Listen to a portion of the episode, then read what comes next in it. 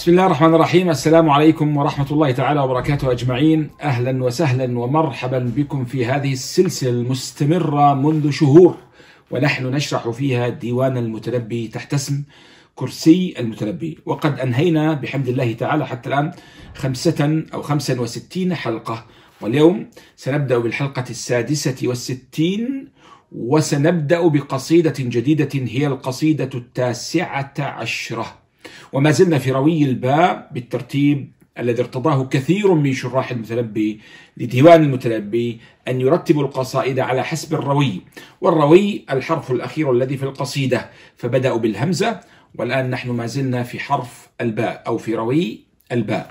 وأظن أننا سنستغرق في روي الباء لأن كثير من القصائد ما زالت لم تشرح في روي الباء فأظن أننا سنستغرق في روي الباء أيضا زمنا ليس قليلا. طيب إذا دعونا نقرأ القصيدة. طبعا الذي بين يدي هي الشرح الذي أشرحه. بمعنى بعضكم كان يسأل أي شرح بين يديك؟ الشرح الذي بين يدي هو شرح أيمن العتوم هو شرحي أنا.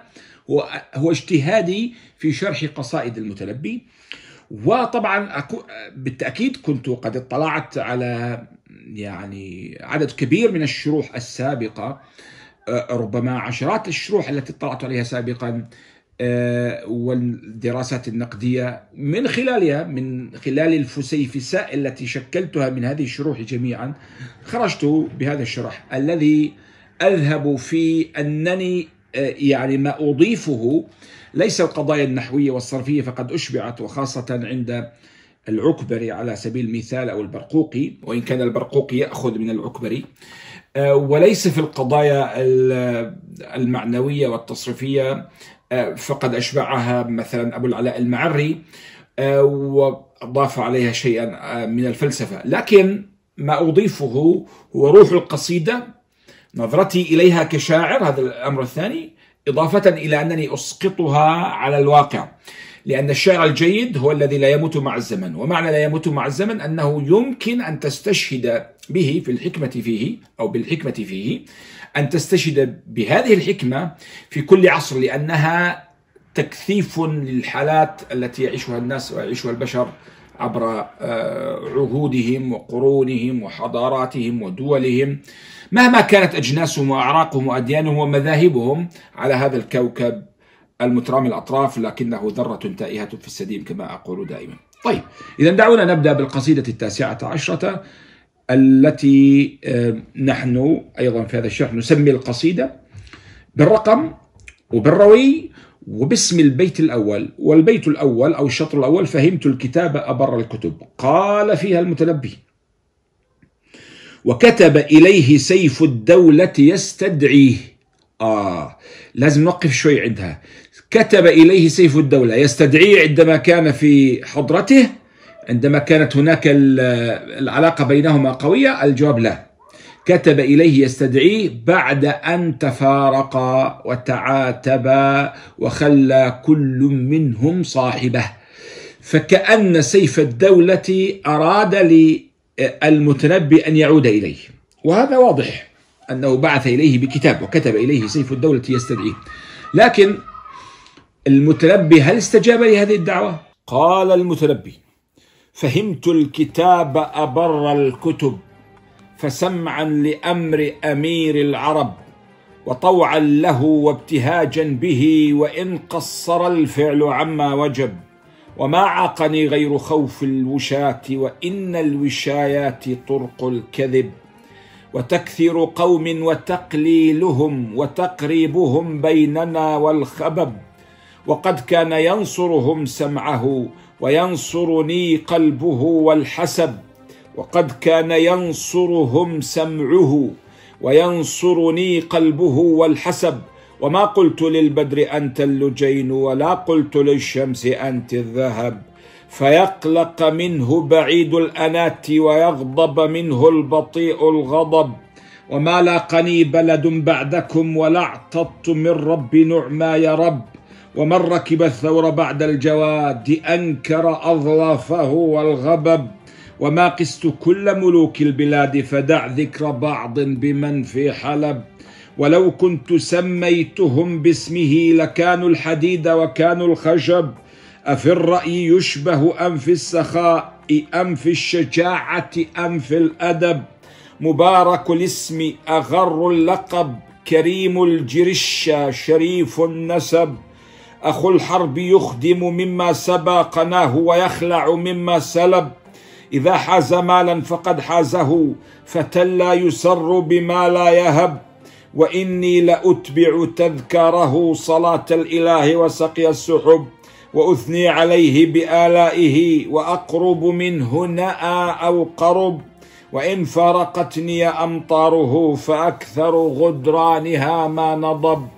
أيا سيف ربك لا خلقه ويا ذا المكارم لا ذا الشطب. وأبعد ذي همة همة وأعرف ذي رتبة بالرتب وأطعن من مس خطية وأضرب من بحسام ضرب. بذا اللفظ ناداك أهل الثغور فلبيت والهام تحت القضب. وقد يئسوا من لذيذ الحياة فعين تغور وقلب يجب. وغر الدمستق قول العداة إن عليا ثقيل وصب. وقد علمت خيله أنه إذا هم وهو عليل الركب أتاهم بأوسع من أرضهم طوال السبيب قصار العسب. تغيب الشواهق في جيشه وتبدو صغارا إذا لم تغب ولا تعبر الريح في جوه إذا لم تخط القنا أو تثب. فغرق مدنهم بالجيوش وأخفت أصواتهم باللجب. فأخبث به طالبا قهرهم وأخبث به تاركا ما طلب. نأيت فقاتلهم باللقاء وجئت فقاتلهم بالهرب. وكانوا له الفخر لما أتى وكنت له العذر لما ذهب. سبقت إليهم مناياهم ومنفعة الغوث قبل العطب. فخروا لخالقهم سجدا ولو لم تغث سجدوا للصلب. وكم ذت عنهم ردا بالردى وكشفت من كرب بالكرب وقد زعموا أنه إن يعد يعد معه الملك المعتصب ويستنصران الذي يعبدان وعندهما أنه قد صلب ويدفع ما ناله عنهما. فيا للرجال لهذا العجب أرى المسلمين مع المشركين إما لعجز وإما رهب. وأنت مع الله في جانب قليل الرقاد كثير التعب كأنك وحدك وحدته ودان البرية بابن وأب فليت سيوفك في حاسد إذا ما ظهرت عليهم كئب وليت شكاتك في جسمه وليتك تجزي ببغض وحب فلو كنت تجزي به نلت منك أضعف حظ بأقوى السبب إذا هذه القصيدة. القصيدة التاسعة عشرة وسنشرح في هذه الحلقة ما استطعنا من الأبيات من بدايتها. يقول عدادها طبعا عداد القصيدة أربعة وأربعون بيتا. يقول في البيت الأول فهمت الكتاب أبر الكتب فسمعا لأمر أمير العرب. يعني فهمت كتابك يا سيف الدولة الذي بعثت به إلي وهو أبر الكتب. يعني أحسنها وهو أكثرها برا. ها أبر اسم تفضيل. والبر الصلة. فيقول إنك وصلتني بعد انقطاع. فكأنه يريد أن يفتح بابا لمدحه أو للإشارة إلى سابق عهده معه من تلك الصلة التي كانت بينهما في قديم الزمان. والآن قد انقطعت وقد انبتت ومضى عليها زمن فخفتت وخبى نورها وضوء سراجها. قال فهمت الكتابة أبر الكتب. وقد تكون أبر نعت للكتاب. وقد تكون بدل والنعت هنا أقوى. السبب أن البدل يكون أشيع من المبدل منه لازم يكون أوضح وأظهر حتى يعرفه أكثر. لكن هنا يتساويان تقريبا في في المعرفة أو في الدرجة من المعرفة فعلى الأغلب تكون نعتا. آه فهمت الكتابة أبر الكتب. كتابك يا سيف الدولة هو أبر الكتب وأكثرها وصالا لي فأنت ما زلت في القلب في ذلك الموضع من القلب. فسمعا لأمر أمير العرب فسمعا وطاعة يا أمير العرب ويقصد سيف الدولة. السؤال لما قال فسمعا لأمر أمير العرب؟ هل ذهب إليه؟ أعتقد تاريخيا لا. لكن سمعه كلاميا فرد على كتابه بكتاب ورد على كلامه بكلام ولكنه لم يذهب إليه راجلا. أما لماذا لم يذهب إليه راجلا ولم يلتقه؟ وهذا على أرجح الروايات. فالقصيدة في بعضها ربما في بيت يعني في بعضها بعض الأسباب ولكن في بيت يظهر سبب واضح. لن أقوله الآن حين نمر بالبيت سنقول هذا السبب الذي لم آه، يجعل آه، المتنبي يذهب إلى سيف الدولة ويستجيب لكتاب سيف الدولة بالذهاب إليه وليس فقط بالرد على الكتاب. يعني ذا يعني ماذا فعل سيف الدولة؟ دعاه إلى أن يأتيه وكتب إليه كتابا بعث إليه رسالة. المتنبي رد الرسالة بالرسالة ولم يذهب إليه. هذا الأرجح. ثم قال وطوعا. قال في البيت الأول في الشطر الثاني فسمعا وطوعا. يعني سمعا وطاعة. طوعا طاعة. فيريد أن يقول له سمعا وطاعة. له وابتهاجا به. له يعني لسيف الدولة. وابتهاجا به ابتهاج فرح. فرح بالكتاب. وقد يكون فرح أيضا بسيف الدولة. لكن بما انها آه، معطوفة بواو التي تفيد الجمع والمشاركة فعلى الأغلب يمكن ابتهاجا بسيف الدولة. لكن أيضا لأنه لم يذهب إلى سيف الدولة ولم يلتقه ولم يحضنه ولم يسلم عليه فالابتهاج سيكون للكتاب. انه والله تذكر. تذكره سيف الدولة بعد زمن من الانقطاع. فهذا أدخل البهجة والفرحة إلى قلب المتنبي. فقال وطوعا له وابتهاجا به أي بالكتاب. وإن قصر الفعل عما وجب. يعني وإن قصر الفعل اللي هو السمع والطاعة عما يجب لك يا سيف الدولة. يريد أن يقول إن أي فعل أفعله من أجلك يا سيف الدولة مهما ظن أنه يكفي حقك أو يكافئ حقك فهو, لي فهو لا يكافئ حقك فهو دائما يقصر عما يجب أن أفعله من أجلك النقاد قالوا يعني السمع والطاعة هي أقصى ما يمكن أن يرد به أو يعني يتعامل أو تكون به العلاقة بين آمر ومستجيب لهذا الأمر وبين طالب ومستجيب لهذا الطلب. فماذا يريد المتنبي أن يقول له أكثر من السمع والطاعة؟ وماذا يريد سيف الدولة من المتنبي أكثر من السمع والطاعة؟ فيش شيء أكثر من السمع والطاعة. سمعت وأطعت. القرآن قال سمعنا وعصينا. إنه في ناس بيسمعوا بس لا لا يطيعون وفي ناس يسمعون ويطيعون وفي ناس لا يسمعون ولا يطيعون. فالله ذم حتى الذين يسمعون ولا يطيعون. يعني تمر الكلمة من آذانهم وتخرج من آذانهم الأخرى ولا تستقر في قلوبهم ولا يستجيبون لما يطلب منهم من الله تعالى. فلو قالوا سمعنا وأطعنا لكانوا بلغوا الغاية. فالنقاد قالوا ماذا يريد أن يقول المتنبي لسيف الدولة أكثر من السمع والطاعة؟ وماذا يريد أو يطلب سيف الدولة كأمير من المتنبي كشاعر أكثر من السمع والطاعة؟ ولكنه هذا صحيح طبعا ولكنه أسلوب المتنبي الذي يبالغ في كل شيء. فهو يريد أن يقول حتى السمع والطاعة تقصر عن واجبك يا سيف الدولة فواجبك أكثر من ذلك بكثير. لعله أيضا يريد أن يقول إنما في القلب أكثر من فكرة السمع والطاعة. إنما في قلبي لك يا سيف الدولة أعظم من فكرة السمع والطاعة. اذا قال في البيت الثاني وطوعا هذه طوعا عطفت أو عطف كلمة معطوفة على كلمة سمعا. في البيت الأول وطوعا له وابتهاجا به وإن قصر الفعل عما وجب. ثم قال في البيت الثالث وما عاقني غير خوف الوشاة وإن الوشايات طرق الكذب.